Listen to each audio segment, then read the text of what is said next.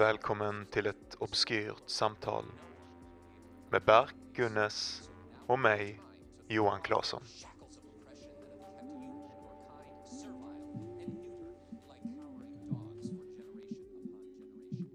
Välkommen till den här veckans obskyrt samtal. Eh, ja, vi eh, pratar om eh, lite om skrivande som vanligt. Sen pratar vi om positivt versus negativt tänkande och eh, lite fördelar och nackdelar och huruvida man kan påverka sitt tänkande och det kan generera positiva resultat. Och sen pratar vi lite om olika sätt av hur människor konceptualiserar världen utifrån vilka former deras tankar och liksom inre sensoriska deras liksom sensoriska organisation, hur den, hur Mycket den sagt. tar sig form. Ja, precis. Eh, Jag är också här förresten. eh, tack så mycket för att ni lyssnar. Eh, följ oss på sociala medier, Obskyrt samtal på Facebook, Obskyrt samtal på Instagram. Fast gör det på riktigt.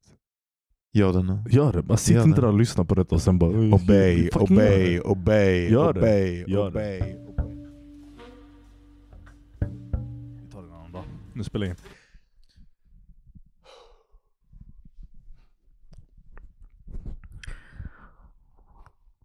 Nu kommer det ett ljud. Jag ser att du tänker göra ett ljud i mikrofonen. Jag tänkte sjunga men jag kan inte sjunga. Jag hade sån feeling i hela kroppen. Jag skulle bara sjunga. du skulle ta Ja, ton? att jag, Nej, att jag skulle bara ta den micken och bara sjunga så jävla vackert. Oh my god ja, det hade varit riktigt, riktigt fett. det Om det hade varit en sån riktig male Mariah Carey? Freddie Mercury moment. Ja, exakt. ja, ja, ja. Det Alltså, kommer direkt i början. Och så, så, hovet på Nam hade, hade ställt sig upp och vi hade bara fucking jammat i den här fucking stunden tillsammans. och jag bara, Berk, du gjorde det. och någon, så här, någon Hollywood-agent eller vet du, någon jävla, vad fan sitter i musikindustrin i USA, whatever, hör detta. Kontakta mig. Jag är Lady Gaga i den jävla born. filmen, exakt. Där så, som vi synkade den. Det, det var min ja. dröm lite, att jag skulle, du skulle vara, bli Lady ja. Att jag skulle typ så träffa en sån snygg Komma kille till som typ growly med en sån uh, köttklänning. Det, hade jag, det kan jag faktiskt se dig i. Det hade Ja, jag hade nog gjort det. grej, tror jag. Ja, jag tror att den babe. Vi sitter här i ljuset, vi har släckt ner allting så här, det är lite mystisk, jazzig. Vi dricker Monster som vanligt, men jag har fått en sån här oljelampa av, eh, av en kompis som var nere och hälsade på från Stockholm. Så nu sitter vi i, i oljelampans ljus, dricker Monster i kristallglas. Eh, Berk Gunnes, har eh, din vecka erbjudit någonting spännande, någonting roligt? Vad har inte hänt i min vecka? Vad har du gjort man? Om du bara säger jobbet, om det kommer vara på jobb, så kommer jag fan att slänga ut dig ur lägenheten. Um, alltså, man ska vara ärlig med dig. Om Mm. jag ska vara 100% ärlig med dig så är det bara jobb. Ja. Det är bara fucking jobb. Jag kan inte snacka om någonting ju, för att allting är, är under NDAs. Men det har varit het, hetsigt som fan. Jobbat sönder mig. Ehm, och det är intressant kanske att prata om på ett sätt. Att jobba i sönder sig. Och hur det känns som att vissa människor liksom har en mycket, är mycket mer benägna att bränna ut sig själv än andra. Mhm. Och jag har verkligen börjat fundera på vad det är för någonting. Och om jag är den som lurar mig själv. Så att i fredags så träffade jag några kollegor. Vi var hemma hos en annan kollega. Första gången jag haft liksom en, liten, en liten fest om man ska säga. Vi hade så här, så, lite avstånd från varandra. Vi var fem stycken. Och köpte lite öl, eller mycket öl. Och jag började snacka. Och när vi blev fulla så började vi prata om, om just arbetsbörda. Liksom. En av dem var mina chefer, så han pratade lite om den här utbränningen. att jag skulle ta det lugnt och sånt. Jag sa till dem, lyssna, alltså jag, jag blir inte utbränd av, av att ha mycket att göra. Jag blir utbränd av dålig kommunikation och dålig sociala omständigheter. Alltså dåliga sociala Mhm. omständigheter. Alltså när saker inte sker snyggt och, kommunikativt, det stressar mig. Mhm. Så jag tar hellre på mig arbete för att lösa det. Och så sa jag det med sån jävla självsäkerhet. Att han, jag såg på honom att han, eller det verkade som att han lyssnade och bara okej jag förstår. Mm. Och sen dagen efter så tänkte jag, fast är det sant? Vet du? Nej, Om det, du det, har- det ja. vet jag nog inte. Och sen även det så, är det inte så exakt det alla säger. Det är också det som är paradoxen med utbildningar. För att varje människa man pratar om som har bränt ut sig själva har ju samma typ av mentalitet. Och Men samma också det går inte lika fort. Alltså vissa människor, vissa människor alltså så här, jag tänker, jag känner många, av någon anledning, många kvinnor som har gjort det här. Så jag vet inte om det är typ Mm. så här lite duktiga tjejer som så har varit, bara jävla jobbat hårt hela liksom studietiden. Men att det då har funnits någon självklart kanske mål eller någon, ett slutdatum eller någonting. Och sen plötsligt så kommer man in i det här livsprojektet som det är att jobba, att Ja. börja bygga en karriär. Och sen så försätter man sig själv i den mentaliteten att liksom, nu ska jag, nu ska jag hustla, nu ska Mm. jag jobba hårt. Och så bara tar de sig an allting och tänker att de pallar hur mycket som helst. Alltså jag har hur mycket, eller hur mycket, jag har kanske haft liksom fyra, fem kvinnor och egentligen inga män. Inte, i, inte nära mig i alla fall, men i mitt liv som, eh, som har bränt ut sig, alltså typ innan 30. Ja. Eller liksom så, runt, eh, som, är, som blir sjukskrivna därför att eh, PGA, utbränning eller andra liksom jobbrelaterade. Att de, Hur har det varit för dem då? Har det varit någon, någon liksom, alltså är det bara arbeta mycket och ta på sig saker för att de vill nå det här karriärsmålet eller, eller vad är det för någonting? Alltså för att, eh, få ge lite kontext, jag har alltid tänkt att utbränning på något sätt handlar om, och detta är helt från min outbildade fucking hjärna, eller min outbildade korkade idé av vad utbränning är för någonting i alla fall. Men jag har alltid tänkt att utbränning är när du, när du händer när du har någon slags um, externt, jag kallar det externt och interna mål. Allting i livet som man gör har man antagligen något internt mål som, som är typ så här, ja, men den här, den här saken är typ eh, viktig för mig personligen. Right? Så det är någonting som kommer inifrån. Och sen finns det externa mål som typ jag vill imponera på någon eller jag vill att min pappa ska vara nöjd eller jag vill att chefen ska typ, ge mig en högre position och så vidare. Och att när man, så fort man börjar liksom agera utifrån det externa målet så ja, det är då man fuckas. då då man fuckas Mm. exakt. Det om det är det som är någonting, om du har sett det hos dina kompisar som bränt ut sig. För att på jobbet så gör jag det genuint för att jag vill göra det internt. Liksom. Jag tror kanske också då att, att ehm, jag tror att om man inte upplever mycket resistance så är chansen låg att man bränner ur sig. Det här är ju bara, jag är liksom ingen Hur menar du resistance? Alltså, du, jag tror att du har rätt, att det spåret du är inne på är rätt. Att Ja. så, länge, så länge man känner att man, alltså det kommer ett driv inifrån Mm. som gör det självklart att liksom man kan jobba så, så kan man göra det nästan hur länge som helst. Alltså folk jobbar ju 16 timmars dagar genom hela livet. Vissa som är mega hustlers liksom. Därför att det kommer från deras hjärta. Ja. Problemet är bara sen att det blir en del av kulturen och någonting som premieras och sen så kommer det en massa människor som inte har det som en naturlig Ah. fallenhet. De ser på det, jag tänker jag vill också... Så jag vill också vara en hustler. Vem vill, alltså i vår tid, vem vill inte vara? Det är, det, det är ju Gary V liksom. Det är det vi får mata till oss utav kulturen liksom. Är Gary Vee en hustler egentligen eller är han bara en Jag tror, jag tror han är en hustler. Okej. Alltså vad fan han det gör då såna, de, alltså det, de hustlar väl smart, alltså de, de gör väl inte så här trå, alltså han sitter ju inte inne på ett tråkigt kontor och gör Excel-sheets 16 timmar om dagen liksom. Men, men jag tror att de jobbar i princip hela tiden om Mm, vi också mm. tänker att jobba är att dra och käka med folk på inför, alltså planerar att han, han, han Han är allt pratar ju på en massa konventioner och han är med i en massa podcasts och sådär. Du vet, vi gör ju podcasts. Det är ju ändå inte inget jobb liksom. Nej, nej, nej. nej, nej. Ehm, så att, eh, ehm, men, men, men jag har nog Jag har nog, och jag tänker typ Min mamma är ju så, jobbar ju hur mycket som helst Mm. liksom. Och har alltid gjort det. Och har aldrig bränt ut sig själv. Och jag tror att anledningen att hon gör det är, alltså så här, inte att det är bra nödvändigtvis, jag tror fortfarande Mm. att det är, är hälsosamt helt och hållet. Jag tror att man bör ha en broms också. Mm. Men jag tror att anledningen att hon inte har bränt ut sig själv är för att hon aldrig har kommit in i det här stället där hela kroppen säger nej, nu vill jag inte jobba en Mm. sekund till och man bara fortsätter ändå. Ja. Därför att man känner att man har inget annat val. Ja. Ehm, och jag har, alltså jag vet inte om jag får lov att ta, ta på mig den här utbrändheten för jag har aldrig varit utbränd, alltså så att jag har fått några benefits liksom. Eller ehm, Jag menar du benefits? Alltså, Alltså- har du slutat, jag menar typ så att ta ledigt och... Exakt, exakt, exakt. Men däremot så har jag, alltså jag har slutat på flera jobb, särskilt när det är så väldigt sociala jobb. Ja.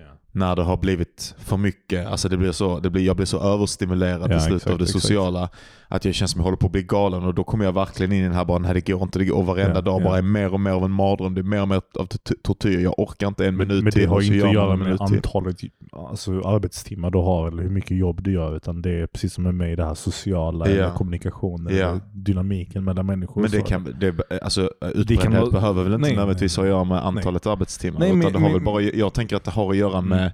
Inte antalet arbetstimmar utan antalet arbetstimmar som spenderas i ett sånt resistance Absolut, ab- ställe. såklart, alltså att, såklart, att såklart. motståndet är... Men, men man, brukar ju tende, man brukar tänka sig i alla fall att, alltså egentligen kanske att utbrändhet har att göra med hur mycket du arbetar ju i slutändan. Så att du tänker att även om det finns en resistance så är det ju för att du trycker och arbetar och kämpar mot någonting som har med jobb att göra. Liksom. Annars är det ju bara en typ en depression eller någonting. Förstår du? Alltså, eller jag vet inte egentligen skillnaden. Jag tänker typ att... Jag tror man kan bli utbränd på ett jobb när man jobbar åtta timmar om dagen. Om man, liksom, om man, om man ja. hamnar i ett ställe att man, man upptäcker att man hatar jobbet Ja, ja. men du har lagt fem timmars, fem timmar om, du vet, eller du har lagt fem år menar jag, Mm. utbildning på det här. Du kan inte skola om dig. Det är inte svinlätt att få det här jobbet. Du får fucking göra det. Du går till jobbet och du hatar ditt jobb varenda dag. Då tror jag inte det spelar någon roll om Nej, du jobbar åtta timmar. Ehm, jag tror att du går in i väggen ändå. Sen tror jag att det händer jävligt många människor att de bara tar på sig, jag tror att det är, är enklare Ja. att du hamnar i det här, det som jag kallar då resistance modet, det vill säga att du känner en, en djup ovilja att jobba och Ja. du ändå jobbar igenom det. Ja. Jag tror att det är enklare att du ham- hamnar i det ju mer övertid du jobbar. Liksom. Mm. Alltså ju mer du bara sliter och sliter Jag- fast jag du är ser- trött, fast du är, du håller på att bli galen. Mm. Liksom. Så bara nej, fuck it, det är min dröm. Pressa, pressa, Precis. pressa, pressa. Och det, det är bankkontot som liksom feedar energi till dig. Ja. När du pressar, pressar, pressar, pressar. Det är begränsat. En dag tar det slut och du bara... Och, då, och, och, och effekten blir liksom nästan som en våg som slår tillbaka. Att Mm. du bara plötsligt kan du inte jobba alls. Mm. Liksom. Och alltså varenda, varenda sekund blir liksom bara präglad av, en, av, ett, av ett inre motstånd, av en ovilja. Vad gjorde du när du hamnade i de situationerna? Alltså jag har, ju, då har jag, jag har slutat varje gång, men jag har, blick, jag har gått in i depressioner varenda gång. Ja. En av gångerna var ehm, när jag skulle börja plugga. Så hade jag jobbat en längre tid i, i bar och det hände var, varenda gång egentligen så är kroget så jävla dumt jobb för mig. Jag gillar det på vissa sätt, jag gillar kollegorna skitmycket men jag, jag går in i sån utbrändningstillstånd och lätt alkoholism varenda gång jag gör det för Mm. att hantera ja, hur mycket jag hatar det, liksom, hur Mm. trött jag blir av att Är det typ att man dricker och sånt efter varje arbetspass? Ja, men det, typ, ja och- det, det är ju det man gör för att hantera det, vilket såklart gör det värre. Men det är ju mer, det är ju bara det att behöva hålla på och prata med jävla gäster och otrevliga idioter Ja, som ja. jag tänker i mitt huvud. Jag tror att jag har rätt om man skulle göra en, en så här, men, men definitivt är det viktigare att jag tänker att de är mer korkade än mig och så Ja. behandlar de mig som smutset under deras sko. Och jag ska bara bu- buga och ta emot och le och le till en människa till och le fast jag inte är glad. Och, så. och vissa människor kanske kan göra det och det är, det, det är ju jobbet. Men jag klarar det definitivt inte. Varenda sån sekund av inautenticitet Mm. som ändå är på något sätt det man säljer delvis i serviceyrke och även i säljyrke och sånt som jag har jobbat på tidigare. Um, varenda sekund verkligen gräver, verkligen gräver in naglarna i mig. Så när jag hade jobbat en längre tid och sen började skolan eh, så kom typ depressionen när jag började skolan och det var Ja. riktigt sugigt. Så fast jag vanligtvis är en ganska social person så var det typ, det här är faktiskt rätt lång tid, alltså kanske sju månader, åtta Ja. månader eh, som jag knappt kunde prata med mina klasskamrater och nästan helt slutade gå till skolan. Så jag gjorde, jag, jag, jag gjorde alla uppgifterna och jag Mm. tog mig igenom den utbildningen. Det var när jag gjorde teknisk baser. Mm. Ehm, men jag gick nästan inte till skolan Mm. därför att jag var så utbränd på att ti- alltså jag, jag, jag bara ville inte att någon skulle säga hej till mig Mm. och sen samtidigt så fick jag ångest över att alltså jag kunde inte heller gå dit och vara tillbakadragen. Ja, ja. Därför att jag har en identitetskris inför att vara tillbaka. Alltså jag vill vara en social person liksom. Så det fanns liksom, en, det blev en massa extra lager där jag kunde inte vara social, jag ville vara social, jada jada jada. Och eftersom inte jag känslomässigt kunde orka med den situationen så var jag nästan bara hemma eller satt på biblioteket och så kanske pluggade jag mycket, mycket mer Ja. eftersom jag inte kunde veta vad som var relevant. Liksom. Mm. För eftersom jag inte gick på lektionerna så var jag tvungen att självlära och självlära tar alltid mycket längre Ja, tid eh, än om man har en lärare eller en mentor eller någon som, som tar en igenom precis det man behöver kunna. Så det, var riktigt, det tog riktigt lång tid den gången eh, att återhämta mig. Och jag antar att hade jag haft möjligheten att sjukskriva mig från ett jobb och hade jag, varit, du vet, hade jag jobbat i en bransch där det var grejen Ja. och jag inte hade haft det här plugget så kan jag inte tänka mig att jag inte hade varit tvungen att sjukskriva Ja, mig ja. då. Liksom. Men du, du hade inte den möjligheten alls? Men det var också inte, eh, alltså jag fattar nog inte att det var det som hände Nej, då. såklart, alltså det såklart. var i efterhand som jag bara shit, det var i typ åtta månader där. Alltså jag visste att jag alltid blev trött av att jobba på det Ja. sättet. Jag visste att jag alltid mådde jävligt illa liksom. Eh, och, att jag, och jag visste på något sätt att jag typ quote on quote brände ut mig. Men det brukade alltid bara vara en månad, Mm. två månader liksom. Eh, men, men här då så var det nästan en depression som kickade in i åtta månader där jag typ bara var bara tillbakadragen från Mm. människor och typ inte orkade vara med någon annan än min flickvän. Och, Ja. Det visste jag fan inte. mm. Vi snackade inte så mycket på den tiden. Jag trodde... Jag vet inte vad fan som hände. Det var inte så att vi var inte ovänner eller någonting. Men, jag bara Men det var, nej, precis. Nej. Eh, Nej men jag, jag, jag har nog aldrig haft det faktiskt. Jag har aldrig hamnat i någon situation där jag, alltså jag, hur ska man säga, det, det, det finns flera anledningar tror jag till det. Men delvis har jag haft eh, så mycket ångest liksom åt det andra hållet. Saker vi pratade om i tidigare avsnitt. Att det har varit en konstant stress liksom i bakhuvudet Mm. i år. Alltså jag snackar typ år och år av tankar som är alltid där liksom. Och den stressen känns ibland som att den har typ tänjt ut liksom mitt... eh, Din kapacitet Ja exakt, nästan. som att jag Mm. orkar mer på grund av det. det är så här, Mm. och jag brukar ibland säga till mina chefer som ibland ringer mig så lite oroligt bara, men har du mycket att göra nu? Så säger jag, alltså hade jag inte haft det här så hade jag nog tänkt på något annat med samma kapacitet som jag Det är väl arbetar därför, med. jag tror det är därför man, folk blir arbetsnarkomaner. Kanske, alltså, som ja. allting annat, att det är, det är någonting att fylla tomrummet Ja, med. ja, ja, ja, definitivt. definitivt. Men eh, så här, på något sätt också när du pratar om din så period i skolan och så, jag hade också en sån massa år sedan när jag eh, skulle gå min första universitetskurs och så plötsligt eh, när jag började för någon anledning så var jag, var jag skiträdd för, för att plugga och typ så här pissrädd att sitta i klassrummet och hade ångest över lektionstimmar, över prov, saker jag aldrig haft tidigare. Det var jättekonstigt. Och så sa jag det till alla och alla bara Ja men det är normalt, det är din första universitetsgrej. Grej. det är så här, verkligen till det verkliga livet typ. Men jag bara, Mhm. men jag bara, men jag känner inte igen mig i det alls. Jag bara, jag, Mm. tycker, jag tror inte det är det. Men alla insisterade på att det var det. Eh, och att jag var så här skitnervös och jag pluggade i sönder mig precis som du gjorde för att jag, jag, typ, jag gick till skolan men jag, lärarna sa att ni behöver bara kunna detta. Men jag tänkte, nej men det kan inte stämma. Jag, må- jag måste kunna allt. Så jag läste alla de här böckerna liksom. Mm. Eh, och sen efter det gick det över så visade det sig att det var bara en av mina sådana här eh, konstiga Besatthet. besattheter. Mm. Exakt. Men, men det var fan ingen utbildning, jag vet inte vad det var. Inte konstigt. Oh, ja. Hur har din vecka varit då? Eh, Min vecka har ju varit eh, väldigt bra. Det så? Ja, jag har eh, tös nu. Officiellt? Officiellt. Så, eh, så jag, jag har varit hos henne, haft med hunden där i typ fem dagar. Och bara haft sån här dagdruckit vin och eh, jag har skrivit lite poesi och jag har eh, varit inne i någon sån... Som du läst för henne också? Nej, jag har läst någon liten, liten eh, dikt. Hon sa att jag, lite, hon sa, och hon sa inte det du vet så direkt till mig. Utan hon sa det typ så här, eh, hon pratade om något annat, hon bara ja, du skri- men du skriver ju fantastiskt. Eller någonting sånt skit. Så jag bara, Då började jag tänka på ringen och så jag bara, om du fortsätter du leverera de här så får du vad du vill.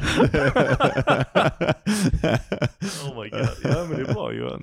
Hur många dagar har de varit tillsammans? I tre, sen, hur många dagar? Tre Ja, dagar? jag vet inte, fyra dagar eller någonting sånt. Jag vet inte. Eller fyra dagar i krydd. Eh, Mer. En Ja. vecka typ. Nej, nej såklart.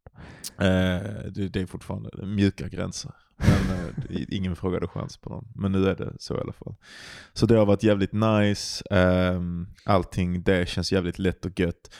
Eh, och jag gjorde lite responser och sånt i skolan. eh, och lämnat in en text som jag typ, ja men jag var nöjd med den när jag skrev den. Men sen så Mm. som du vet, allting efter ett par dagar så man bara, vad, vad är detta för någonting? Alltså vad har jag, här, är- det här, alltså det här, i, jag vet inte, det är helt omöjligt att förklara den grejen därför att innan man började skriva och kanske innan ut, utifrån någon jävla konstform så kunde man inte tänka sig, du vet så här när när, eh, alltså att Kafka liksom bara släng processen för fan. Du Ja, vet, att ja. man, när man vet det, Kafka ville att, att hans vän skulle bränna upp pro- processen när han dog och vännen gjorde inte det Nej, och exakt. gav ut den och så blev det en av världens kändaste Exakt, böcker någonsin. Liksom. Och så försöker man föreställa sig hur det känns och man bara, hur kan man titta på processen Mm. och bara nej det här är inte bra. Alltså det är så uppenbart för alla som någonsin har läst en bok att processen är Mm. bra. Men, men när man väl har kommit till ett ställe så, så, så, så, så fattar man liksom Jag vad det hade är och bara se sina flottiga...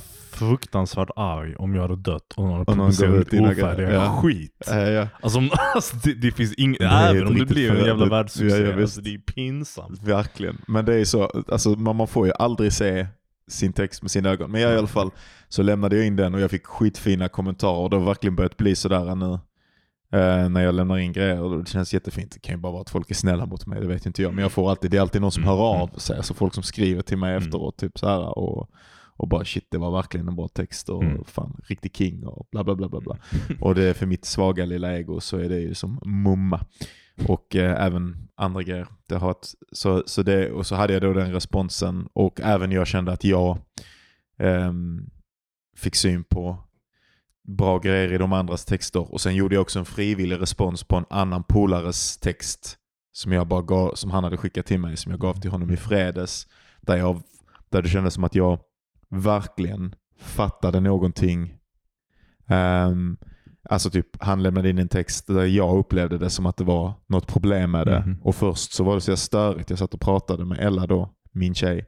Och jag bara, fan jag fattar inte vad det är med denna texten som, eh, som inte fungerar. Alltså han skriver ju bra mening till mening. Mm, mm. Men det, det känns väldigt det känns ändå väldigt motigt, lite trögt för mig att läsa det och jag vill kunna, för om han bara fixar vad det nu än är som får det att känna det trögt för mig så är det här riktigt bra. Mm. Eh, och sen så insåg jag då, eh, fuck jag vet inte om jag kan formulera detta nu, jag formulerade det så jävla bra när jag pratade med honom men det hade att göra med i alla fall att han målade tavlan och sen så lät han, och sen så hände rörelserna inom tavlan Okej. istället för att rörelsen är det som en berättelse är och tavlan målas runt rörelsen om det makar sense.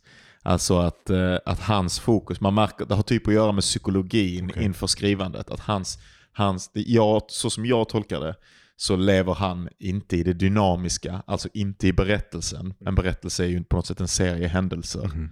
utan i världen, det statiska, bilden. Så han egentligen mer ägnar sig åt naturbeskrivningar Mhm. Och rörelserna i det råkar bara vara nästan som en anekdot eller liksom Okej, så här, okej. nästan som en, en eh, asterix liksom. Eh, och, och när jag kände som att jag fattade det så kändes det som att jag kunde säga det till honom som var riktigt bra feedback men också som att jag fattade någonting jävligt djupt Ja. om berättande för mig själv Ja. På en intuitiv nivå. Liksom. Och det är Så alltid du- de intuitiva Ja. insikterna som är Det är fint det du säger för att just det här är en av konsekvenserna av att ha mycket tid av att skriva. Det är att, alltså vi, jag har tidigare sagt att ja, men det finns en fara att spe, spendera för mycket tid med skrivandet. För att man fastnar lite i sin egen text och man knådar sönder den och så. Alltså baserat på min egen erfarenhet Mm. när jag, när jag skrev på bibblan. Eh, men det som är så jävla positivt också är att man får verkligen sådana um, såna epiphanies nästan Mhm, varje dag. Mhm. På, som jag bara, alltså man får inte det när man inte skriver sex timmar per dag. Nej, man måste leva ja, i det, Man liksom. måste leva i Ja. det och då hittar man verkligen sådana upplevelser när man bara säger ja! Du vet, och de stannar hela livet alltså. Ja, man fattar något om världen Ja, också. ja, det, är visst, visst, verkligen- visst. ja. Det är viktigt, det är riktigt kraftfullt. Men, ja vad fan, men eh, har du några andra sådana då? Sådana stora, och vad är det du fattar egentligen? Jag vet inte om jag förstår det. Alltså vad är det du personligen förstår från, från, från läsningen? Alltså i, i all enkelhet så är det ju egentligen eh, show don't tell. Men det är Ja. alltså en speciell variant utav det. Eller en förklaring inuti mig som makar mer se- Alltså så här, show don't tell är en regel. Ja. Fuck regler. Du vill fatta varför reglerna Mm, finns. mm. Och du vill fatta varför reglerna finns. Så här är det tror jag med allting i livet. att eh, Om du står inför ett, ett eventuellt kunskapsfält. Liksom. Vi tänker att litteratur är ett kunskapsfält. Eller tavlemåleri är ett kunskapsfält. Eller fucking snickeri. Eller Mhm, mhm. whatever, du, sälj, vad det nu än är du sysslar med liksom. Så finns det en massa jävla regler. Eh, men egentligen, och de här reglerna kan man liksom ta sig an i början och börja prova. Men när du, du kan först börja bli riktigt bra, det är när du kan börja, det är när du formulerar de reglerna inuti dig själv Ja. utifrån andra ord eller nästan andra vad det nu än är som ord pekar på. Mm. Alltså vad det, det är ju någon slags känsla eller någonting som finns inuti en. Koncept existerar som former Mm. inuti sinnet på något vänster. När de här formerna börjar byggas upp från sitt råmaterial hela vägen upp till orden Mm. istället för att orden kommer in som någon slags approximation och sen Ja, börjar man ja. bygga formerna under det. Så, så eh, då kan man verkligen få sån... Alltså, det är som att ett rum eller en korridor eller någonting formas inom en där man bara ah, det är genom detta jag måste gå och Mm. nu fattar jag precis varför. Eh, ofta till exempel med så skrivregler så, så kan man ju känna, speciellt som ny författare, när man vill vara lite så ung och arrogant och, arrogant och tro att man är ett större geni än alla andra. Liksom. Så kan man ju verkligen känna att ehm, fuck de reglerna. Varför ska jag göra det? Jag gör som jag vill, jag har min egen intuition, jag har min någonting, någonting, någonting. Ja, såklart. Men du måste, de djupa insikterna som du måste förstå, det är varför alla som någonsin har skrivit inom dig säger att dessa reglerna finns av en anledning. Mm. Och det är för att reglerna egentligen pratar om någonting som är så djupt. Att det går på fundamentet av vad en berättelse är. Börja inte din bok i sängen. Nej. Fundamental regel. ja. Alarmklocka. Nej, Nej, men whatever. säger, ja. Så så, min vecka har varit, det har varit lite nice. Men vad var Skriv- din insikt motherfucker? Show don't tell vad? Alltså... Men det var ju som jag sa då, att, att jag insåg någonting om skrivandets psykologi ehm, med att man inte vill, man, man vill försöka vara i rörelsen. Det är typ samma sak som att vara i karaktären, Ja, inte i tavlemålandet. ja. Eh, tavlemålandet kommer Som ett resultat av att Ja, vara i... i rörelsen och Mm. också som ett sätt att ge rörelsen form. Ja, Men ja, berättelsen är egentligen bara rörelsen. ja. Och vi pratade om det också för, att, för jag kritiserade då början, om du vet den, på um, ett fågelperspektiv över Stockholm. Mhm. I början på, eh, jag tror det heter, i början på eh, Röda rummet. Mhm. När jag satt och pratade med, eh, med Ella om det här. Och jag bara, ja fan. För jag började tänka att det hade någonting att göra med beskrivningar och göra detta med min kompis Mm. text. Som, att det var det som fick den att bli så trög. Och sen så, så tänkte jag, ja, men be- beror det bara på att, att berättande har förändrats? Liksom? Skulle jag uppfatta denna texten trög på samma sätt? För jag Mm. vet att jag har ogillat den början innan. Men så läst, och därför att det bara är liksom så här, det handlar typ om att solljuset studsar på vattenytan och så dansar den i den Stockholmsbyggnaden och så eklarerar den i det Stockholmsfönstret och sen så illuminerar den i den Stockholmska och så håller det på så. Det är bara en massa jävla eh, liksom så här eh, verb efter verb efter verb som ljuset gör liksom på olika ställen i Stockholm för att ge någon slags form till Stockholm och sen så när den här eh, solljuset har rört sig hela vägen ut till något moln ute på en sjö eller någonting så får man följa vinden tillbaka som i sin tur blåser. Och så, Mardröm. ja verkligen mardröm liksom. Ja, du vet precis som vi har pratat om innan, det finns ju Balzacs Papagorios Ja, som har den här början exakt. också. Men, Men, det är en annan faktiskt, historia, där mm, funkar det lite mer. Fast det funkar faktiskt Ja. i Strindberg också nu när jag Okej, läste det. Och då, Men det, man, det måste det klicka högt. in, man måste fatta. Men vad det var som funkade, vad det var som funkade, det här är skitviktigt. Och vad det var, vad det var i den är att han har använt rörligheten Ja. i solen.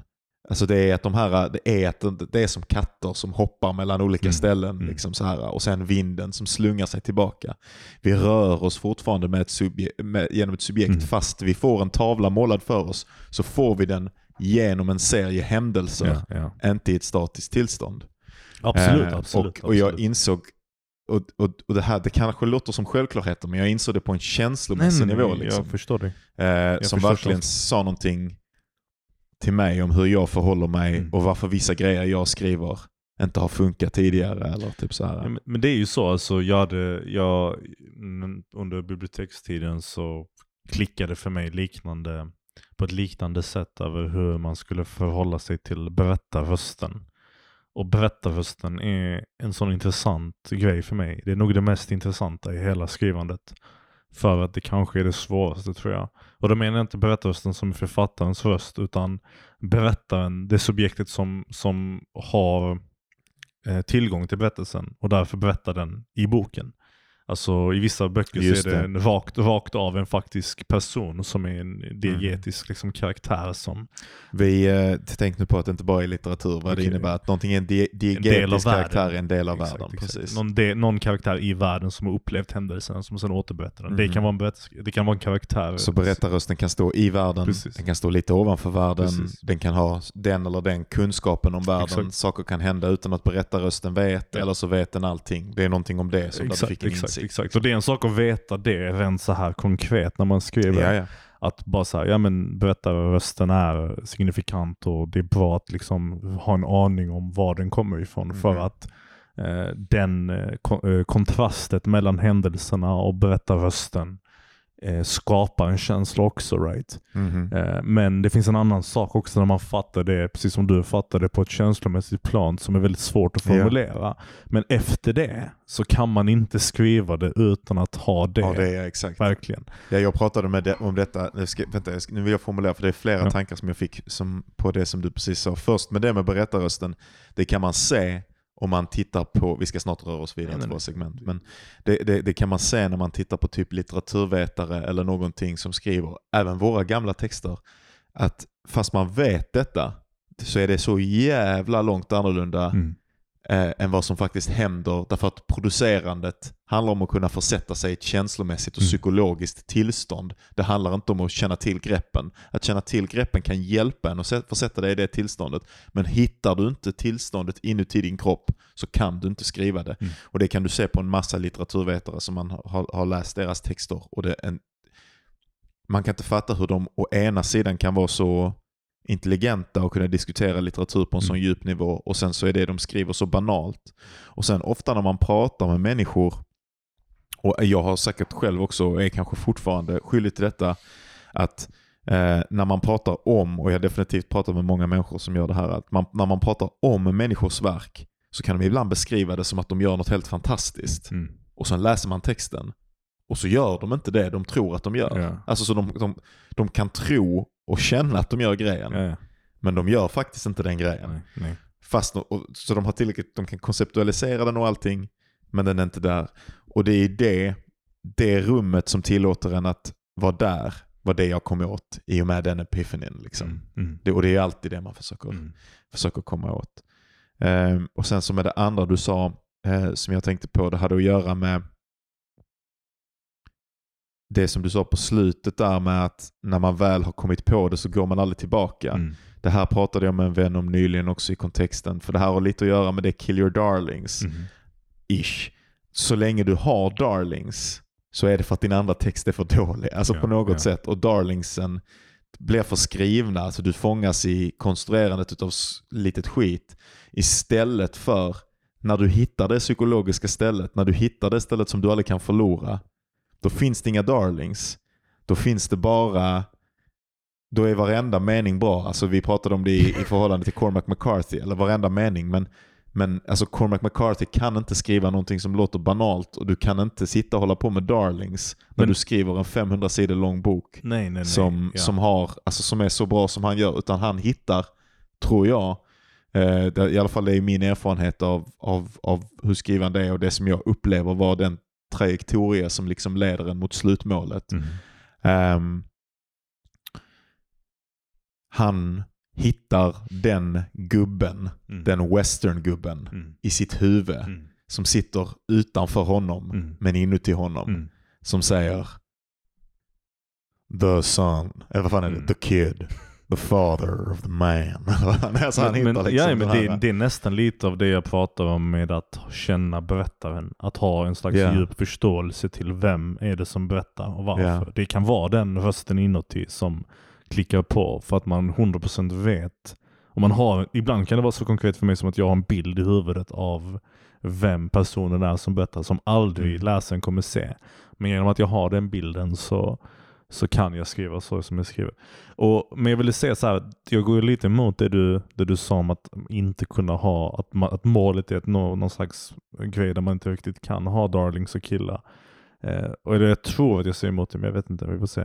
Eh, men jag, jag ser det så här, bra skrivande för mig är inte att jag, jag kommer till en position där jag alltid skriver bra meningar när jag sitter framför pappret. Utan bra skrivande för mig är att den rösten i mig som vet när det, det jag skriver dåligt är aktiv och eh, fattar när texten är kass. Och är så bra på det att den gör det eh, i stunden texten skrivs. Liksom. Så är det för mig när jag skriver i alla fall. Jag skriver alltid dåliga texter, alltid dåliga meningar varje dag. Eh, och sen har jag en röst som jag konstant just nu försöker reglera. Och den är för aktiv ibland. För den är för kritisk. Liksom. Det är därför det skrivs om och skrivs om hela tiden. Men den rösten vet. Okej okay, du är på väg du är på väg åt den här riktningen men du vill egentligen hit. Så den liksom autojusterar konstant. Det är lite som den här metaforen med att uh, flyga en helikopter. Right? När du har en helikopter och du flyger för första gången och du håller den här joysticken. Då finns det massa medvetna rörelser du måste göra för att styra helikoptern innan den faller. Men till slut när du är erfaren nog så har du uh, det i musklerna. Liksom. Din, dina hand automatiskt justerar konstant helikoptern. Mm. Eh, joysticken är alltid i rörelse men du märker inte det själv för att du alltid konstruerar och vänder och vrider och anpassar dig efter eh, de turbulenserna i luften som du på något bakvänt sätt intuitivt medveten om. Liksom. Mm. Det är bra skrivande för mig. När jag har den muskeln 100% liksom aktiverad så att darlingsen killas innan de skrivs. Inte att de inte skrivs. De skrivs men jag killar dem. Ögonblicket de existerar. Liksom. Mm. Det makes no sense för dig kanske just nu. Jag vet inte om jag sa något riktigt flummigt men det var jävligt tydligt i mitt huvud i alla fall. Nej men jag tror att jag förstår. Jag menar bara att, man, att, att det är skillnad på att vara jätteduktig på att skriva direkt. Visst, att, att sätta sig ner framför pappret mm. och skriva, skriva, skriva. Det blir bra för att man har hittat rätt. Men, alltså jag tror att när du är en riktigt, riktigt, alltså ju, ju mer, ju bättre, jag håller med dig. Jag, tror, jag, tänk, jag ty, tycker det känns som att du säger nästan eller väldigt lik grej. Det jag, säger. jag säger nog samma ja. sak, jag bara tror att vår, alltså, hur vi kommer dit. Ja, är kanske olika. Men alltså jag tänker typ att Alltså om jag tittar på meningar nu som jag skriver jämfört med eh, alltså sådana darlings som jag skrev för två år sedan eller mm. tre år sedan. Så är varenda sla eller slaskmeningar som jag skriver nu är minst lika bra eller bättre än mina darlings då. Alltså jag kan bara pumpa ur mig meningar som mm. bara, men, men där och, och så känns de på något sätt också mindre skrivna. De känns mer som en del av texten istället för att jag bara har blivit helt fixerad på en, en liten fras som det var på den tiden. Mm. Liksom. Uh, och jag tror att då tar man en sån författare som typ Cormac McCarthy eller någon sån som är liksom ett, ett prosa-geni. Liksom. Så kan han inte, han sätter sig inte ner och skriver en sida och i alla fall kanske han känner det. Han kanske inte känner att det alltså att han, han kanske känner att han måste skriva om den eller någonting. Men jag tror att om han ger den till oss ja, så vi bara, här är allting, allting här är bra. Sen att, att, att, att han, när han väl släpper någonting, då har han sett till att det är riktigt jävla bra. Ja, ja. Men att bli, är du bra på att skriva, det är samma sak som är du, alltså, är du fucking Yngve Malmsten, så är det inte, eller Malmsteen, så är det inte vissa dagar där du bara sitter och inte kan ta barré-ackord och sen andra dagar där du sitter och fucking ja, men shreddar, utan men, du är men, alltid på ett ställe av relativ genius. Ja men att liksom. vara, alltså, okay, men att vara typ taktiskt duktig på gitarr, men sen att skapa taktiskt. en bra... Ja, och taktiskt. Vad fan betyder det? att vara liksom, förlåt, tekniskt duktig på gitarr. jag vet inte vad jag tänkte där. Men att vara tekniskt duktig på gitarr och sen skapa bra musik är två olika saker. Och det är samma sak med skrivandet. Du, du kan ju skapa ja. en mening som är vacker, right, men den har ingen signifikans för författaren. Ja, ja men, det, det, men det jag menar är att allting du gör ja, blir bra. och sen så, sen så är ju sammansättningen det, det, ytterligare en sak. Liksom. Men det är lite som du vet, så klassisk klassisk Hemingway-citat igen, men, men han, sa ju, han sa ju famously där i slutet att han skriver hundra dåliga sidor för varje bra. Yeah. Och, och det är ju jättesvårt att föreställa sig av Hemingway. Yeah. Att han satt och skrev 99 dåliga sidor och sen en bra. Mm -hmm. Och allt det där 99 kastade i papperskorgen. Men vet du vad, alltså jag, jag tror verkligen på ja, det. Jag skriver 10 000 dåliga Ja exakt, exakt. 99 är bra för fan, det är ingenting. Men, men jag, jag kan köpa det. Jag kan köpa att Hemingway, jag, jag tror faktiskt att man kan läsa, jag, jag, eller det är önsketänk. Jag önskar att det är så. Jag önskar att Cormac McCarthy sitter hemma och har typ 20, 20, 20 lösa sidor framför sig som är lite När, när Hemingway säger att det är dåligt så tror jag också att man, okay, man måste okay. fatta vad han, alltså ja, vilken ja, nivå han jobbar på. Liksom. Och samma sak med, alltså så, så Alltså typ såhär, när du är Yngwie Malmsteen och du ska skriva en låt, liksom, mm. om vi nu tänker att vi, vi, vi, vi, du, jag och alla lyssnare här nu försätter oss i en psykos där vi tänker att Yngwie Malmsteen gör bra musik. Liksom. Eh, när han ska skriva en av sina banger-skivor, vad fan heter de? De heter typ såhär Thunder and Lightning eller något sånt skit. Uh, Eclipse har han en skiva som heter. Som jag tror är Japans bästsäljande skiva någonsin. Såklart. Nu är, här är det Yngwie Malmsteen Facts. När, när han sätter sig och, och skriver um, En låt när han sätter sig och skriver en låt så, eh, så, eh, så, så, så, så, eh, så han kan ju sätta sig och bara riffa när som helst. Och det bara är... Alltså så här. Sen, och allting är liksom bra, nu gör jag eh, citationstecken. Eh, men allting är ju bra. Eh, men sen, det som är själva den sammansatta låten, det är ju kombinationen utav hans shreddande. Så han shreddar inte bara hela tiden, Nej. utan det är, ibland shreddar han, Ja. ibland hittar han ett bra riff, ibland han, låter han en, en sångare göra en bra sång, slinga, whatever, performance, en refräng. Och allting detta kommer samman. Så på något sätt så är det ju i slutändan det, det är ju sammansättningen som är det som gör verket. Men fortfarande, allting han gör är liksom relativt bra. Bättre än vad de flesta människorna kan göra någonsin. Och Ja, så är det nog med Absolut. riktigt bra författare också. Sen att när de släpper mästerverk så är det ju så att mästerverket är ytterligare en grej. Ja. Men då har Hemingway släppt, han har slängt 99 stycken 99% sidor Mhm. för en 100% sida.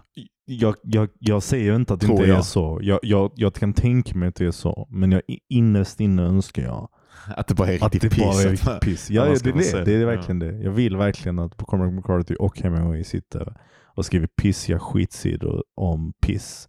Och det är bara bajs och det är så här skitdåliga idéer och ingenting funkar och tempot är skit och beskrivningarna suger och de skriver små kvadrater och allting är bara katastrof. Och sen blir det några bra sidor av det. För det är så jag gör. Det är så jag gör. Ja. Men, Ska vi ta en, eh, en liten, ska det vara en lång slasköppning och sen tar vi en liten break och så kör vi våra ämnen. så gör vi. Mm.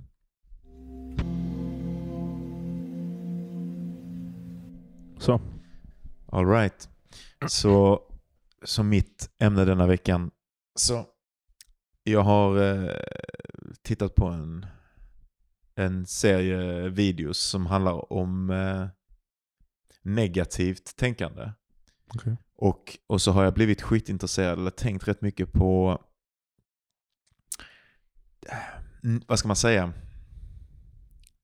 negativt tänkande som vi också kan kalla realistiskt tänkande Mhm. eh, på ett sätt. Därför att det är ofta så, i alla fall den som tänker negativt tänker på sitt tänkande. Och positivt tänkande som eh, vissa människor liksom menar är svinviktigt. Som har varit en jättestor grej sedan 80-talet, i alla fall i USA. Vi har en president precis som har gått ut. Eller liksom så här, Donald Trump markeras ju verkligen av sin tro på Mm. positivt tänkande och på att rephrasa allting som, en, som ett plus för sig själv. Mm. Liksom. Eh, Så det är verkligen i tiden. Ehm, och typ egentligen det som jag är intresserad av att diskutera det är på vilken nivå du tror att man bör lägga sitt tänkande om du tror på att försöka ha någon inverkan på det överhuvudtaget. Om du tror, alltså varför både positivt och negativt tänkande, vad som är implicit i det på någon vänster, det är att man har en möjlighet att kontrollera sitt tänkande. Och i det finns också en, en osynlig fråga huruvida man bör göra det eller huruvida man bara försöker, eller huruvida man bör, eller till vilken grad man bör göra det, till vilken grad det har att göra med vilka berättelser man berättar för sig själv Mhm. och hur man försöker påverka sin externa verklighet. Mhm. Alltså för någon som, som tror extremt på positivt tänkande Mm. så dör deras morsa. Mm. Så säger de, ja, det här blir en läroupplevelse. Mm. alltså, eller eller eh, jag har i alla fall min pappa kvar. Ja, jag vet inte alltså, hur, man nu, hur man vill phrasa det. Liksom. Ja, ja. Ehm, och motsatsen är då någon som är väldigt negativ. Och jag, det är intressant för jag har några sådana människor och jag skulle vilja prata om det lite grann liksom i mitt liv. Men jag vill också veta vad du tycker. Ehm, m- nega, väldigt negativt tänkande, de som tror på det, de är ju liksom cyniska och tänker att de är realister. Ofta att de är de enda som kan se världen som den verkligen är. Mhm. Som meningslös och gudlös och Mm. kärlek inte finns. liksom sådär. Men för andra människor så kan man ju, jag kan uppfatta sådana människor, ofta tycker man synd om dem och vill hjälpa dem men de Mm. kan kännas ohjälpliga Mm. och, och som att de inte dessutom absolut inte vill ha hjälp och tycker att man själv är en idiot. Mm. Och samtidigt kan de också upplevas som omöjliga att vara vän med Därför att de har en tendens att förgifta. Mm. Alla andra negativt tänkande sprids väldigt effektivt. Mm. Kanske nästan mer effektivt än positivt tänkande. Så först, det första som jag är intresserad av att diskutera, Mhm. det är hur du ställer dig överhuvudtaget i ditt liv till att påverka ditt eget tänkande. Då tror du att det ens är någonting som är möjligt?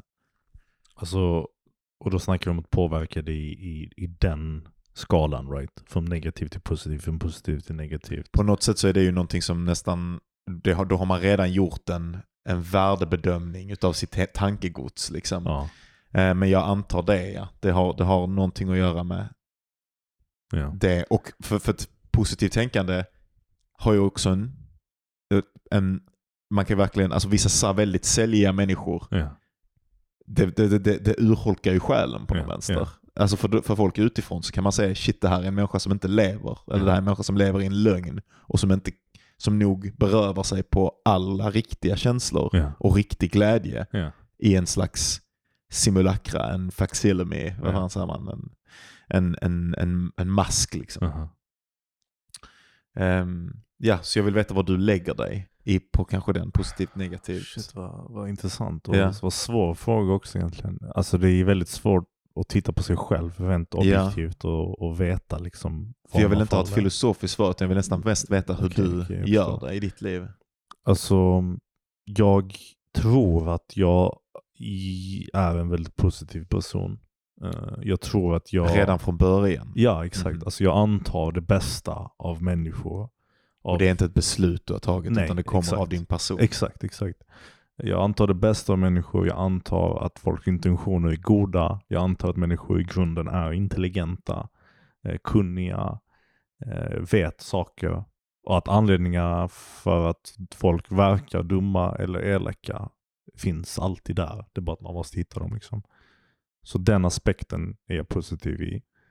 Eh, jag är positiv om min påverkan på jobb, på andra människor, på livet runt Du omkring tänker mig. att du kan ha en, en inverkan. Dina, dina handlingar Exakt. kan ge resultat. Exakt, exakt. Mm. exakt. Jag, och till och med och till att falt. Alltså jag, jag har märkt sådana här saker med mig själv. Att, och varför jag delar upp det så här nu, jag kommer till dem en liten stund. Men, men jag, jag ska berätta dem en liten stund. Men, men jag märker att på jobb och så och med allting jag gör att jag har någon slags skev uppfattning till det negativa egentligen. Där jag tror att jag bidrar mer till någonting än jag faktiskt gör. Förstår du? Jag tror det är en väldigt vanlig sak att se hos positiva människor kanske. Eller hos den typen av människor jag är. Vad man nu vill kalla det.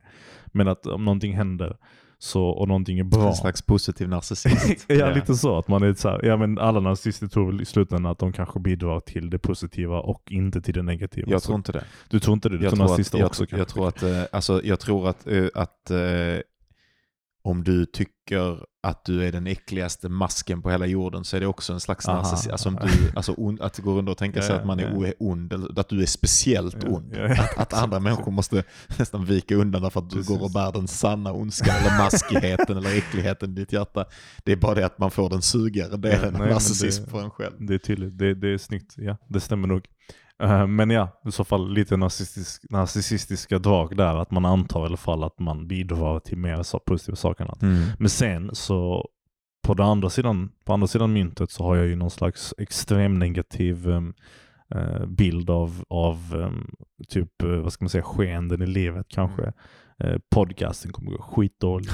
Skrivandet är Jag är piss. oroad alltid. När vi Ja, har en ja. långsam vecka så, Exakt. så kommer du och så, är du, så märker man att du bara nu är det fucking över. Ja, alltså. exakt, exakt. Som att det någonsin var... var, Det började inte. Nej. nej, men det, nej men du har rätt, alltså, absolut. Och då tror jag i alla fall att Katastroftänk heter det. Ja, Ja. exakt. Katastroftänk. Ja, definitivt. Och det är ju det mest negativa du kan ha. Det är ju inte mer realistiskt än Nej, något annat tänk. Och jag har tänkt mycket på, exempel, förlåt att jag hijackar lite, men, men det på något sätt kommer jag in på det. Men, Nej men jag vill inte, jag vill Ja, gå dit okej, du vill. perfekt. Ehm, nej men, eh, till exempel, jag, jag hade sån konstig, så här, jag berättade tidigare att när jag varit i mina ångesttankar så, får jag, så har jag oftast väldigt mycket tid att tänka på ångesten och jag accepterar inte ångesten. Alltså jag är väldigt anti-ångest, jag hatar ångest, jag vill inte ha ångest. Right? Så jag spenderar väldigt mycket tid att försöka tänka mig ut ur den och fundera på varför jag har den för att försöka klura ut så. Och då en dag så, så, så satt jag och tittade på någon knöl eller något sånt på mitt ben eller någonting, så tänkte jag ja men det här är cancer, det är det klassiska. Eh, och så kände jag på den och så bedömde jag utifrån min känsla att det var cancer. Ja. Och sen tänkte jag för mig själv på alltså, vad är jag för någonting? Någon jävla någon medicinsk geni som kan liksom automatiskt känna på en knöl och sen veta att det är positivt eller negativt resultat eller whatever. Ja. Som att jag kan göra biopsi med mina fingrar. Och sen så sket jag i den tanken och så gick, jag, så gick några timmar, så gick jag på toa och så kände jag på knölen så var de borta och så blev jag lugn. Ah, tack gud, knölen är borta, det finns inget att oroa sig över. Och varje gång jag kände på knölen och den inte var där, eller när den var där, eller när den inte var där, så, då, så satt jag nästan, ehm, och speciellt när jag gjorde det för att bekräfta att knölen inte var där, så la jag någon slags vikt på min egen förmåga att känna på min kropp.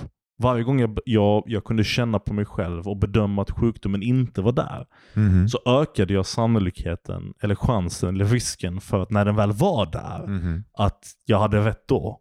Mm. Förstår du vad jag menar? Det är väldigt svårt, för det tog mig väldigt många månader att fatta det själv. Att vad faran är att känna på sig själv. Att fundera på sin kropp. Att fundera på om saker är dåliga i livet. För Mhm. varje gång de inte är dåliga så, så, så typ bekräftar du för dig själv att du har någon slags intuitiv förmåga Mhm. att förstå dig på det negativa i världen. Mm. Och veta att saker ska gå dåliga. Så om du, om du gör en podcast och, du, och det går eh, pussigt, det går bra. Och varje gång du tittar på dina siffror så tänker du ja men det här, det här är bra. Vi är Ja, på och väg åt har jag rätt riktning." förstått det. Och det har, Exakt. ja. Och när det går dåligt då, Ja. då har du liksom bekräftat din förmåga att Ja. veta de här sakerna. Men du har ingen aning. Nej. Ingen aning överhuvudtaget. Och det, det är semi-connected to Ja, den grejen är verkligen, det är också, ja precis, det är på något sätt, det är lite, lite connected. Det är inte, det, men det är intressant ändå. Um, för, men jag, jag ska komma tillbaka till det med dig då. Mm. Eh, men, för, men, men som en tillägg på det du sa, så jag följer en, en YouTuber som gör ett, eh, ett som, alltså fuck alltså, han gör verkligen en slags content som har ett slutdatum. Alltså han gör Mm. typ så här, eh, han är i Kanada och så, um, jag tror han heter typ Philip Soto eller någonting, men han är i Kanada och så började han den här trenden med att göra typ going to the worst, getting a tattoo at the worst rated tattoo parlor in my city, meeting the cheapest hooker in my city, typ så här on Craigslist in my Mm. city. Så han, han typ bara är en sån riktig genius på att hitta, alltså typ en sån där slags kanadensisk white trash Ja. vibe. Men sen ändå humanisar han det skitmycket Ja. liksom och bara hänger med de här personerna och sånt. Eh, Men det är verkligen en sån, när han, när han började göra det så var det verkligen ett sånt fenomen för att det är en sån helt ny grej. Man Mm. ser så här kanadensisk, det har ju lite sån middle America, du vet det är bara snöigt, pissiga små mackor, folk som bara lever så här små halvsorgliga liv. Eh, han träffade någon sån här, jag tror han var en straight snubbe men han sålde sig som gay prostituerad på Craigslist och ville egentligen bara starta en YouTube gaming-kanal. Alltså det är verkligen så intressanta livsöden men, men som bara är alltså lagom intressanta. Jag tittade på honom ett tag, jag har inte tittat på honom på riktigt länge och han la upp en video om att han var, hade varit, var tvungen att lägga in sig tror jag eller någonting för han Okej. var självmordsbenägen. Ja. Och av exakt den anledningen. Att han hade, han hade försökt bli rappare tidigare och sådana grejer Ja. och det hade aldrig gått bra. Och sen plötsligt hade han hittat den här jävla kanalen och det här konceptet. Ja. Och sen har han bara skjutit upp till miljontals visningar, liksom, Ja. eller i alla fall flera hundratusen visningar per video. Och folk som bara älskade honom och han hade liksom en sån slogan som folk repeterade och whatever. Men sen när allting, sen när det började falna, fast han inte var självmordsbenägen innan, så var han nu plötsligt mer ledsen än vad han någonsin hade varit. Ja. Och det är ju en typ en mikroversion av det som du, eller som du, alltså du, jag säger verkligen en mega mikro mikroversion. Men det, det kan ju vara intressant att veta att du har det i dig liksom. Mm. Att du kan inte se det som positivt att vi, eller du kan, men, men det blir lite, nästan lite osynligt för dig. Mm. Hur positivt det faktiskt är att vi har haft den mängden lyssnare som vi har haft och hur ja, stolta vi har varit i perioder. Ja. När det har börjat sjunka ner Ja så blir det en bekräftelse för att du alltid var en idiotförlorare och att nu har äntligen folk sett igenom dig. Men, men, men ja, alltså det absolut är så. Men jag tror att faran ligger i att bli för glad när det går positivt också. Alltså jag tror, såklart. ja, ja, det är det Ja. jag menar. Alltså, Det är också det. Du det, köper, dig, eh, du köper dig den glädjen med smärtan som du sen kommer känna när det går sämre. Och på något sätt varför jag menar att det var kopplat till vad du sa från början. Det var för att jag tror att när du lägger värdering på det positiva eller på det negativa tänkandet och du Ja. försöker styra och forma det. Då lägger du också vikt på det. Och då har du också kanske satt dig i den här fällan där det negativa betalas tillbaka senare. För allting, min gode vän Bark, är ducka lidande. Det är det som är insikten. Det är precis det du säger kommer nu. tillbaka till de här buddhistiska Ja, koncepten konstant. alltså, det finns. för att du fucking redan har det i dig så jävla djupt, alla de här jävla grejerna, och så säger du dem. Ja. Och så har du bara inte insett att du bara Nej, sitter men jag och bara, vad är buddhism liksom? Det är exakt detta. Eh, ja, whatever, det spelar ingen roll. Eh, men eh, men ehm, det som jag ville tänka på då, då tillbaka, det är vilken vilja du har liksom i dig, eller om du ens har en vilja att överkomma till exempel ditt katastrof. Alltså så här, Ja, ja, och, och, absolut, och om du då tänker att det är möjligt och om du då försöker och, och bara vara, för typ nu när du sa detta när du kom idag, Ja. vi kan då vara äh, äh, all, all transparency med lyssnarna. Vi hade haft en svag, svag, eh, den här intermissionen och sen vårt första nya avsnitt är väldigt svagt i förhållande till våra andra avsnitt exakt. som vi har haft. Och det är liksom inte superuppenbart för oss eh, varför, men det, det är ju också att ehm, vi har haft en ganska stabil lyssnarskala och inte så mycket lyssnare som kommer in. Mm. Och det är helt naturligt att det faller. Mm. Och man kan ju se någon skillnad i din och min. Jag, jag har ju andra ställen där jag är inte så katastrof... Jag kanske, eller jag tror inte jag har så mycket katastroftänk, men jag har andra saker som har att göra med min självbild Mm. gentemot världen och sådär. Men det är ju en tydlig skillnad att du kommer in och du bara fuck det är över, och sen så när jag ser det, jag bara Ja men eller så, så har vi bara, vi, vi har tränat på att göra podcast, eller och vissa, många har ju sagt att det har hjälpt dem och det är ju bra och eh, vi ska ju jobba länge tillsammans. Mm. Alltså typ att, att, och nu menar jag inte detta, inte för att höja upp mig, Mm. utan jag pratar bara om att det är två olika psykologiska lägen, att det är så Nej, självklart för så. mig att jag bara, ah, okej, det här går bra eller det går dåligt eller whatever, Ja, men det, men vi det lär är oss vad folk någonting. hade sagt ett mognare sätt att se på saker Kanske. Ja. Eh, Men, det är jag också- vet det också. Ja, det är det du som vet också, men Men, jag, men det som kommer ut i ytan Ja. är det negativa. Och då är, det här är det ju då frågan. Hur mycket tycker du att du bör påverka det? För positive thinking är inte bara vilken sorts person du är. Positiv och negativ thinking. Det är hur mycket du bör jobba för att ändra dina känslor med språk. Mm. Alltså positive thinking. Det är ju en, en, en slags aktiv hjärntvätt. Mm. Alltså om du, om, annars så köper vi att om det kan ju finnas positiva människor och det kan finnas negativa Mm. människor, pessimister och optimister. Eh, och att det bara är en fråga om temperament. Det kanske är sant.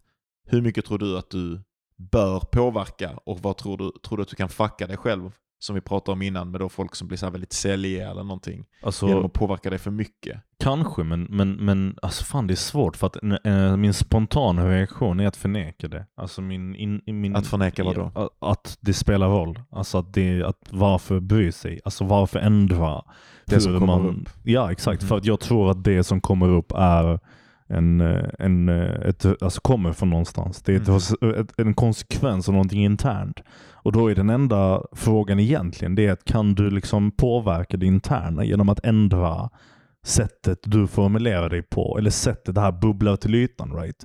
Men, och det är en fucking filosofisk fråga som jag inte har svaret på. Mhm. Alltså jag tänker mig egentligen att Men hur förhåller du dig till Ja, ja men, men ja, det, blir, det blir så att jag förhåller mig det till, som, till det som att jag, det, det, det är ett, ett, ett, djupt hav med många bubblor i. Mhm. Och de bubblorna kommer till ytan. Och efter de har kommit till ytan och spruckit så är de redan ute. Mhm. Och då är de negativa eller positiva fyllda med vad de nu vill vara fyllda av. Att ändra de bubblorna, att försöka styra dem, har ingen betydelse. För de, de, de härstammar i någon slags djup grund. Mhm. Där, så en källa som, som är onåbar. Så att påverka det där uppe, att ens försöka påverka det, så tänker jag spontant är, är lönlöst. Och det är Mm. lite av en så här eh, new age-liknande tänk. Att du vet, det här, du läser någon studie om att ler du mycket så liksom aktiverar du musklerna i ansiktet som sen skickar endorfiner till hjärnan och sådana saker. Ja. Men du vet, är det sant egentligen? Jag vet inte fan. Kan du sitta där och le i spegeln till du blir glad? Jag vet inte om det verkligen är så. Jag tänker ju att... Och om eh, det finns, förlåt men jag vill bara säga färdigt. In, om det nu är så att det gör en påverkan, och vilket det kanske gör, så kanske den påverkan är så jävla liten att det har ingen betydelse Mm. för de här inre krafterna. Det vill säga att om du ser någonting positivt, Mhm. för att, och även om du innerst inne tänker någonting negativt, eller du vill formulera det Mhm. negativt, men du ändrar, ändrar på formuleringen. Mhm. Ja, du kanske ändrar någon ytlig eh, nivå Mm. av, av din uppfattning av verkligheten, men Men du tror inte på en fundamental nivå att Kanske man kan inte. förändra? men jag kan också ha helt fel. Ja, men det Jag var ju detta jag ja. ville åt. Det här har du ju svaret. Detta är ju din känslomässiga sanning. Liksom. Ja, ja. Du tror inte att, för jag hade en ta- misstanke att du och jag, för jag tror ju väldigt mycket Ja, på nyfiken. förmågan att förändra. Och hur tänker du? Ehm, Och, och I den metaforen jag sa med Ja. bubblan och så, alltså hur är din? Ja, vad jag din fattar vad du menar. Men alltså, ehm, på ett sätt så är ju det du säger sant. Och i min meditativa praktik till exempel så är det ju det, handlar ju väldigt mycket om att man accepterar det som är där. Eh, men samtidigt så lever jag mitt liv Alltså jag försöker hela tiden hitta sätt och metoder för att omformulera verkligheten på ett sätt som låter mig leva i världen med så lite lidande som möjligt och där jag har så mycket möjlighet som möjligt att också påverka andra positivt istället för att eh, vara självisk eller så som, Ja. som vissa delar av min natur är. Liksom. Ja. Att jag försöker hitta sätt. Så till exempel ett rent konkret sätt med, som jag tror funkar lite grann i alla fall. Även om jag har fått anledning att ifrågasätta det. Ehm, men det är i slutet på min meditationspraktik så gör jag alltid någonting som heter mettavana. Eller metta. Eh, eller heter det Metta Bhavan? Ja, skitsamma. Metta heter det kort. Eh, som han, eh, NBA-spelaren. Metta World Peace. S- där man i, i princip bara försöker fylla upp sin kropp med kärlek och medkänsla så Mhm. mycket som möjligt. Och jag kan verkligen uppleva att efter att jag har gjort det och jag så träffar mina kompisar, Mm. om de säger någonting taskigt eller någon, jag träffar någon annan som säger någonting taskigt eller så, så, så kan jag märka, inte så mycket att jag, alltså lite en kärlek för dem kanske ändå, Mm. så här, men jag är inte riktigt på den nivån. Men vad jag däremot kan känna är en frånvaro av en känsla som jag vet brukar vara där. Alltså Mm. en ilska som, som fuck, vem tror den här jävla fittan är att han eh, säger så till mig? Vad tror, respektera mig. Alltså, så här, att, att, att även fast jag är en relativt icke-aggressiv person så har jag det i mitt känsloliv i Ja. vanliga fall. Ja. Och genom att göra den här känslan där jag bara egentligen bara tvingar mig själv att känna kärlek Ja. liksom, och medkänsla så är någonting utav det kvar i min kropp sen även när jag lämnar meditationskudden. Och det skulle ju ha en motsvarighet till, ehm, eller det, det har ju någon slags likhet till ett mer positivt tänkande. Mm. Att, att nästan försöka tvinga in en viss slags reaktion i Men sitt så- känsloliv. Men skillnaden där tänker jag, det är att det ena är att, Att man, försöker liksom, förändra känslor Ja, och det andra är exakt. att man försöker känna tankar. Ja, jag håller med. Ehm, men det är väl det man försöker på något sätt lite grann med positivt tänkande också. Mm. Någonting som är närmare, som jag tror på jävligt mycket, men som jag inte har provat så mycket som vissa människor gör som är into så här lite mer självhjälp eller spirituella. Det är ju ehm, alltså att föra gratitude dagbok. Mhm. Eller att vara väldigt conscious med att typ så här säga typ vad man är tacksam för till sig själv i spegeln en gång om dagen. Alltså det är sånt som känns jävligt larvigt om man, när man börjar med det eller någonting.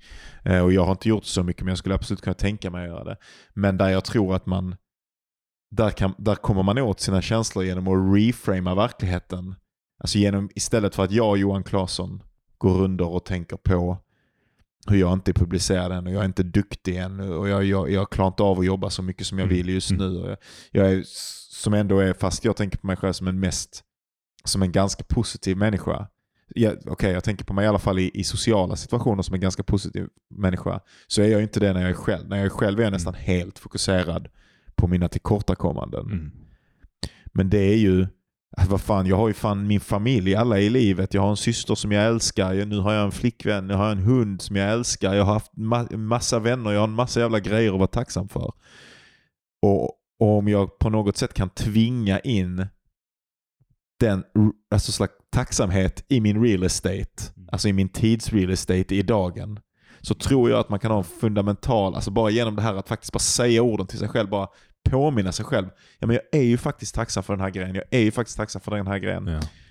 Att, tror- göra sig, att, att göra sig medveten om ehm, det positiva i livet tror jag faktiskt kan fungera. Ja. Och jag tror det kan fungera i en situation där det negativa måste liksom besegras på något sätt. Ja. Det är som en liten tävling mellan de två fronterna vad som ska bubbla upp till ytan.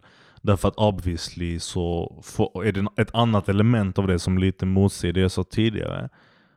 det är ju att liksom, ja, alltså allting formar ju din upplevelse av verkligheten. Från Mhm. det externa du tittar på runt omkring dig till såklart vad du tänker i ditt eget huvud och vad du tycker är viktigt snarare i ditt eget huvud. Om Mm. du tycker att, eh, du vet, vad som, att piss, livet är piss är viktigt och du tänker på det hela tiden, så kommer det forma ditt beteende och styra och ändra hur du förhåller dig till saker du gör varje dag. Du kommer bete dig annorlunda för att du tycker Har att du det är inte viktigt. sådana människor i ditt liv? Jo, jo, självklart. Och jag, jag är också en sån människa ibland. Som, som, som, som tenderar att se det mörka? jo, Jag kanske, har, alltså kanske. jag, har, jag har väl människor i mitt liv, jag vet inte om du hade med, jag ska bara... då Ja. Jag har människor i mitt liv som har fantastiska, som har sina drömjobb. Mm. Alltså som har gjort riktigt, riktigt coola grejer. Eh, och, och som egentligen har allting going for them. Och som till och med ibland, alltså när man pratar med dem, kan se att andra människor inte har det, inte har det som, alltså inte har det, de bara, fan jag fattar inte att andra människor kan leva så här när jag, alltså så. Så de kan typ säga att de har det egentligen bättre ställt Ja. än andra människor. Och har, har fått allting. Men som ändå bara... Men det är osynligt för dem att de Ja. kan se det. Alltså Ja, så här, att de. De, de är ändå så fundamentalt negativa inställda till allting att de alltid berättar den negativa berättelsen om verkligheten. Och frågan är då, är de fast? Tror man att de är fast i det? Mm. Eller kan de ändra sina tankemönster och påverka det? Alltså, jag tror som jag sa innan att källan bakom att de är negativa kan du inte riktigt Du, ändra de, du på. inte man kan Åt- prata om? Åtminstone inte genom att ändra vad orden som kommer ut ur din mun är för Mhm. någonting. Alltså du kan, inte bak, du kan inte vända på det som redan har kommit ut. Bubblan Okej. har spruckit, du kan inte spricka Okej. tillbaka den, du kan inte liksom återskapa den.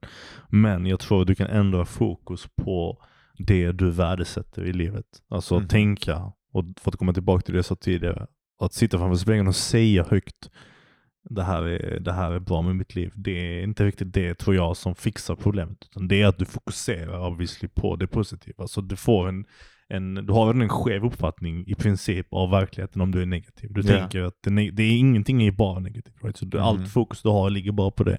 Om du sen vänder på det och du tvingar dig själv att tänka, ja men det finns positiva saker också i all den här, mis, mi- all, all den här misären. Mhm. Om du återfokuserar på det istället, då naturligtvis tror jag att du kommer börja bete dig någorlunda annorlunda. Mhm. För att du börjar se de sakerna som tidigare var osynliga.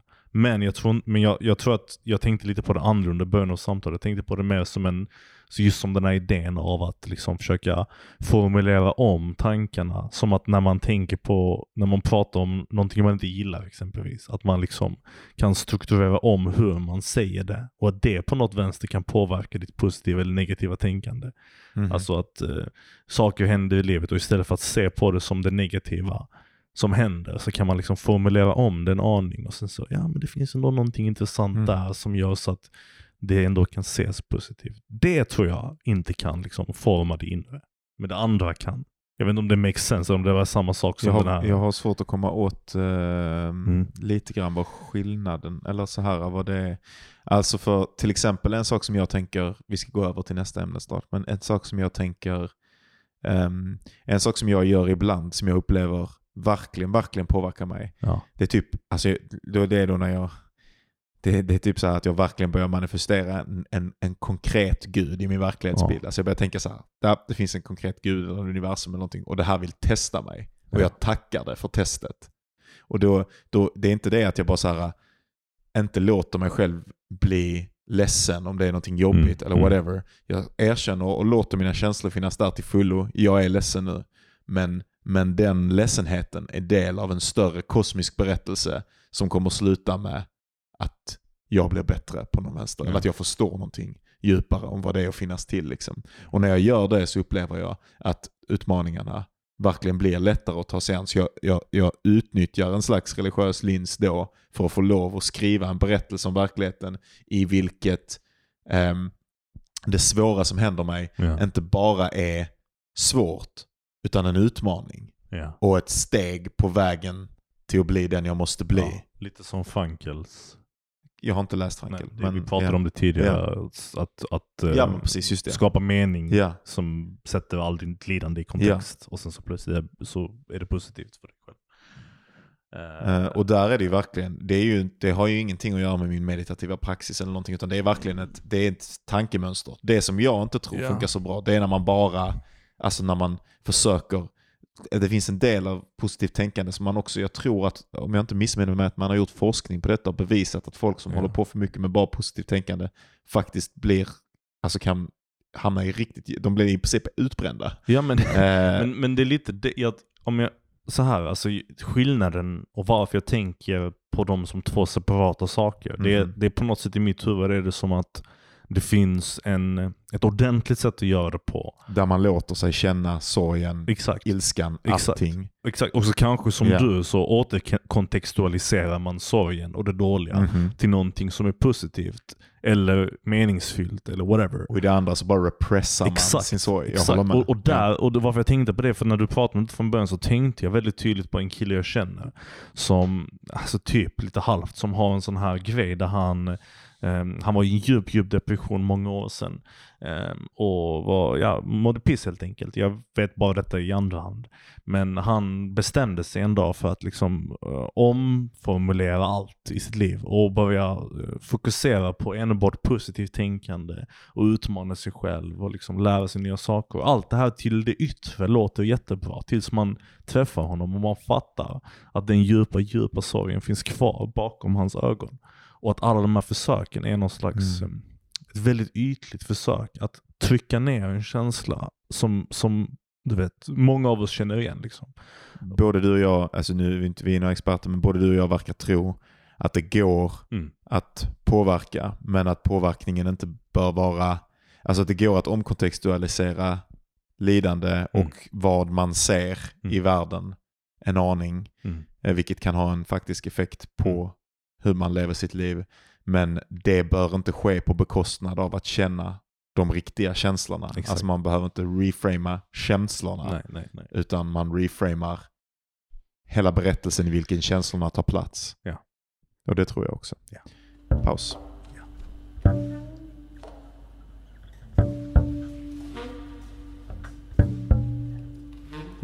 Um, I alla fall. Så försök två och försöka formulera vad min tanke var. Men, men min, min fråga till dig i alla fall, egentligen, det är bara eh, skillnaderna mellan människors sätt att tänka på och se på verkligheten. Exempelvis, vi har tidigare pratat om min oförmåga att visualisera saker i mitt eget huvud när jag Just läser. det, att du har fantasi. Exakt, Mm. exakt. Och fantasi är då oförmågan att, att Du ser inga bilder. Precis. Eller det är mer en skala så att för vissa människor så, fin- så finns det verkligen absolut ingenting. Mhm. Eh, ingen, ingen bild alls. Och för andra Mhm. människor så är det extremt vivid liksom på alla håll och kanter. Och att de flesta tenderar att hamna någonstans i mitten i den här skalan vara Mm. fantasi till maximal fantasi, vad du vill kalla det.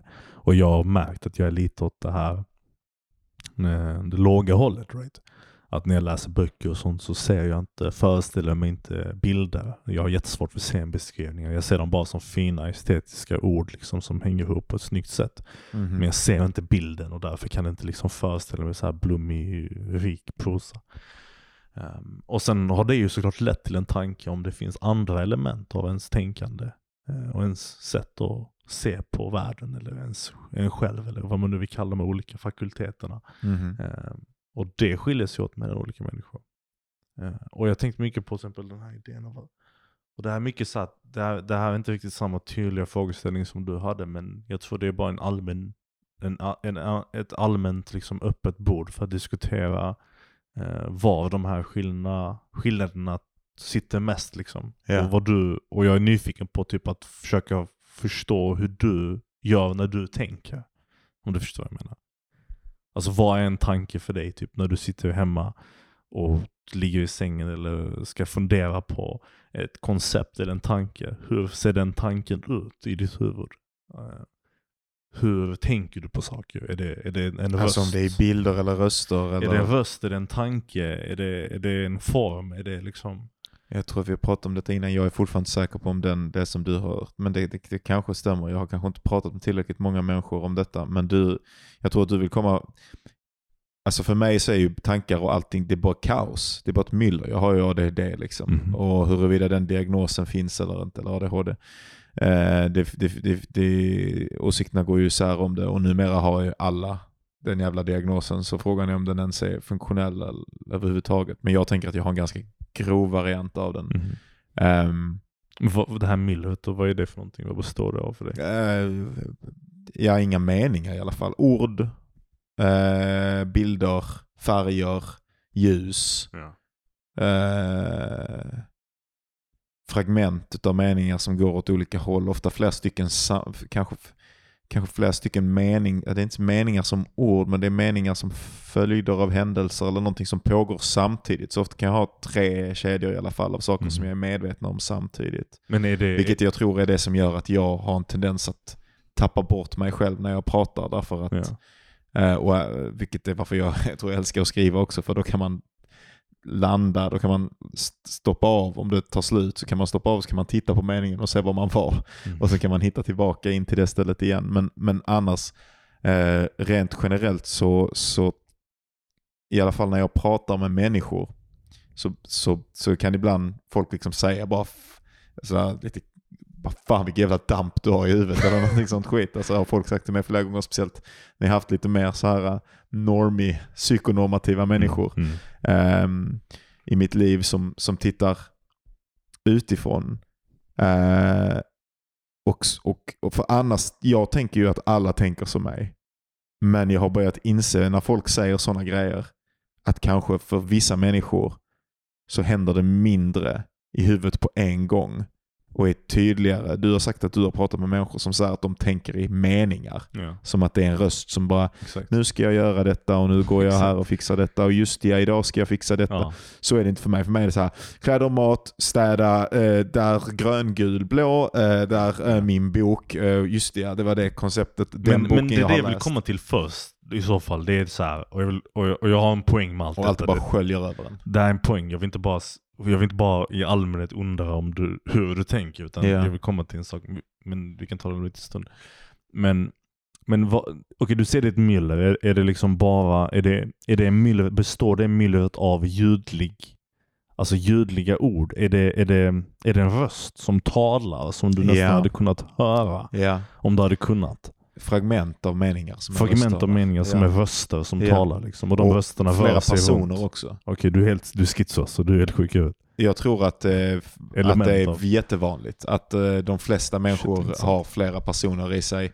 Eh, bland, och jag tror att det till och med dessutom finns vetenskapliga belägg för detta. Det Ja. finns ju folk som spelar Fia med knuff med sig själva efter Ja. att man har skurit kopplingen mellan vänster och höger hjärnhalva. ja, absolut, absolut. Så att vi har, på något sätt finns det i alla fall olika, alltså det finns två personer minst ja, ja, som kan spela om. mot varandra. Eh, och ehm, Men om det är men jag snackar nu om det, om det betyder att det är olika röster i huvudet. alla har min timbre.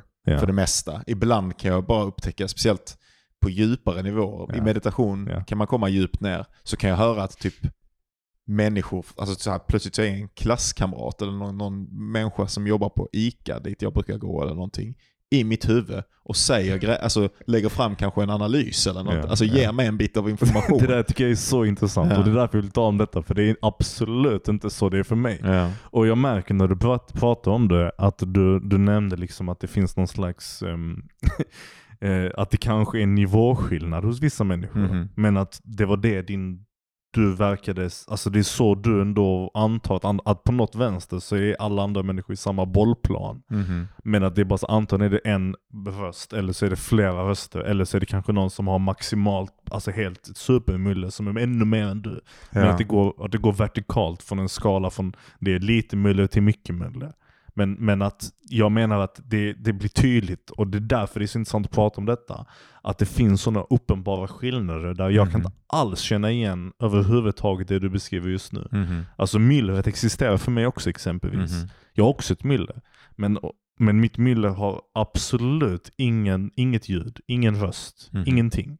Eh, det är bara, eh, och jag tror det här fantasin kommer in i bilden, utan det är bara eh, koncept utan, utan ord. Ja. Alltså det är som små former som flyter i huvudet. Mhm. Och de formerna är typ, jag är, jag är medveten om dem. Jag Mhm. vet. Precis som du vet typ eh, om någon frågar dig hur du kör bil. Du behöver inte tänka. Mhm. Jag vet hur man kör bil, man Mhm. vrider på ratten. Du har konceptet av vad bilkörande Mm. är. Mönster. Liksom ett, ett, nå, någon, på något sätt, ett Mm. mönster vad du vill kalla. Du har vetskapen i något område i huvudet som inte har en form eller eller den har en form men den har inte en faktisk bild tror jag. Den Ja. bara finns. Mhm. Och på samma sätt så är idéerna jag har varje dag eh, de här koncepten. Det betyder till exempel innan jag var aktiv på Twitter så kunde jag sätta mig ner och så kunde jag skriva en mening. Och det var alltid så här att varje, me- varje mening började med ett ord.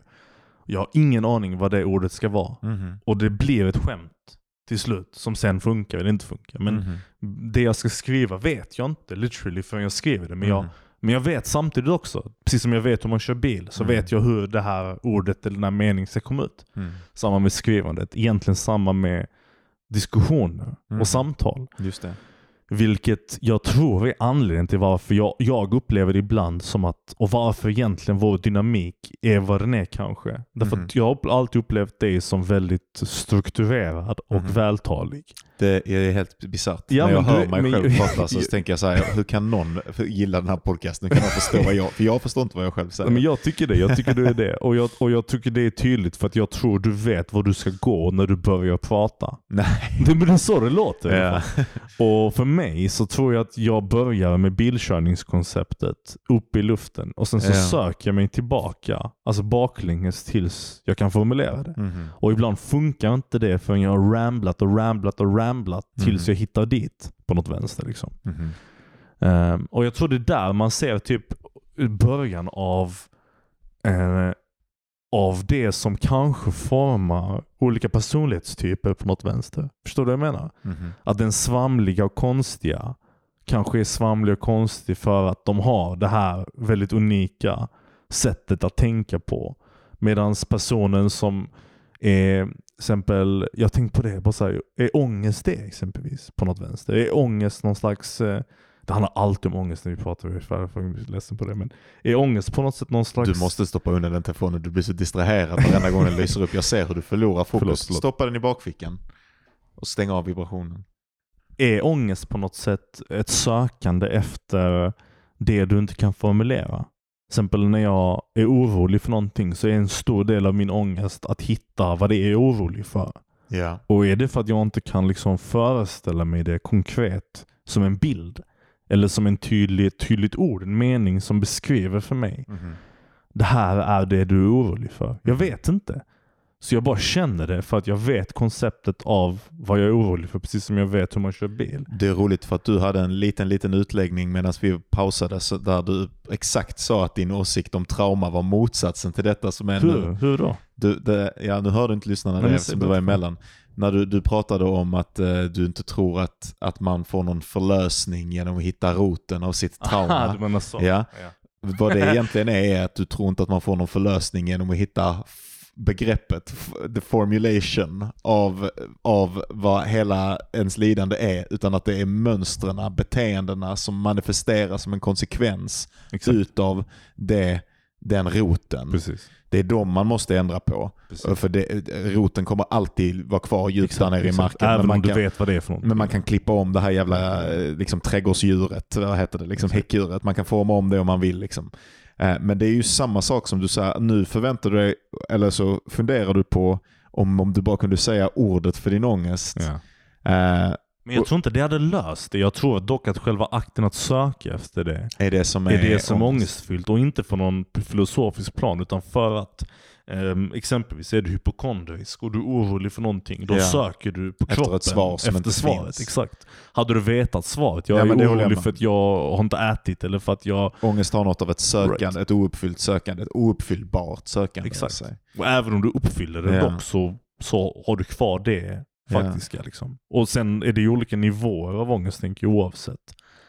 Som är vissa som... Där Men, du, men är din tes här då att, att du tror att det kanske är så här att, att folk som för jag blir alltid förvånad. Det finns ju ändå fan psykonormativa och man blir alltid, jag blir alltid förvånad av det när man pratar med dem som, är, som säger sig inte, inte lida så mycket. Tror du att de då, att deras inre liv är relativt organiserat alltid? Eller har ett rätt så stort inslag jämfört med, för för mig så är det ju verkligen, alltså när jag sätter mig ner för att meditera de första tio minuterna så, så får jag verkligen en insikt. För jag kan heller inte riktigt, jag upplever ju heller inte riktigt hur mycket kaos det är förrän jag faktiskt sätter mig och Nej, tittar exakt. på det. Och bara, Alltså varför elever gör ju detta alltid? Det är ju för fan myrornas krig. Och det är väldigt gånger 10 imponerande 000. att den söklampan som är Johan som identifierar trådar i allt den här myllret är ju väldigt duktig på det Ja. obviously liksom. Men, men ja. för att svara på din fråga så tror jag att jag lite, eller jag vet inte alls. Det är åter- återigen sån här killgissnings Man skulle ha med sig någon, någon som upplevde att de hade det ganska stillsamt på Faktiskt, insidan. faktiskt. För jag, jag tror inte att människor som har det relativt stillsamt eller som tänker på ett psykonormativt sätt, kanske man ska kalla det, har eh, mindre oroliga liv. Men jag någon känsla i mig säger att det känns konstigt att det här sättet att tänka på saker, det hjälper ju inte mig på något sätt. Det är ju snarare en, ett, ett motstånd som jag alltid Mhm. måste kämpa mot. Eh, och jag kan tänka mig att det egentligen är samma sak för dig. Alltså det här myllret måste organiseras och som ung så kanske det var svårt att organisera det tills du hittat ett sätt för dig att kunna rikta den här söklampan som är Johan på rätt ord och kunna formulera och förstå dig på det myller som finns i dig själv tills du kan liksom. Mhm. Och, på- och ibland undrar jag om det kanske, kanske till och med kan vara så att eh, typ skrivandet är samma sak. Right? Att eh, sökandet efter ord Ja. det är ju det jag gör hela tiden. Jag söker Ja. efter ord konstant. Du söker också efter ord Mhm. på ett sätt. Och att det liksom tar uttryck sig i, i text. För det var så här, Mm. du vet, ett sätt att formulera det som inte kan formuleras internt på. Ja, och exakt. Alltså det, med, det är det som jag tänker som är det som man gillar. Det är det som jag vill att denna podcasten ska vara och som jag tänker att den är. Och det är det som jag tänker att mitt skrivande är på något sätt. På, på vissa sätt så tänker jag att jag inte kan tänka innan jag säger eller skriver det. Mm. Jag, jag kommer aldrig fram till någonting förutom när jag tänk, säger eller skriver det. Allting, ing, jag, jag, jag har inte förmågan att grubbla för jag, Ja, men det är det. Ja. Jag, också, jag brukar också... Ja. jag, jag sa det en gång till min tjej, vi satt på, på, på BK eller något sånt. Vi brukade ha sånt eh, grej att eh, när vi, hon skulle plugga till sina prov så brukade jag testa henne Mhm. på, på hennes, whatever du kallar det. Ehm, och så frågade hon mig en fråga någon dag och så satt jag så här i så här grubbelpositionen, du vet den klassiska. Och, och satt gnuggade ögonbryn och liksom tittade ner på bordet. Och sen så började jag skratta, så sa jag till henne, vet du vad? Alltså varje gång jag tänker så här så låtsas jag bara tänka. Ja. Alltså jag tänker, jag har aldrig satt mig ner och tänkt så här. Fan, nu tänk. Jag har aldrig, jag bara Ja. låtsas. Jag bara, jag bara märker, jag bara sitter och gnuggar min panna och så bara tittar jag så här. Tills idén kommer. Ja, okej, ja, jag ska berätta. Okej, det är faktiskt helt sjukt. Alltså literally varenda dejt jag någonsin är på, varenda, och varenda tjej jag någonsin träffar ställer den här frågan till mig till Vad tänker du på?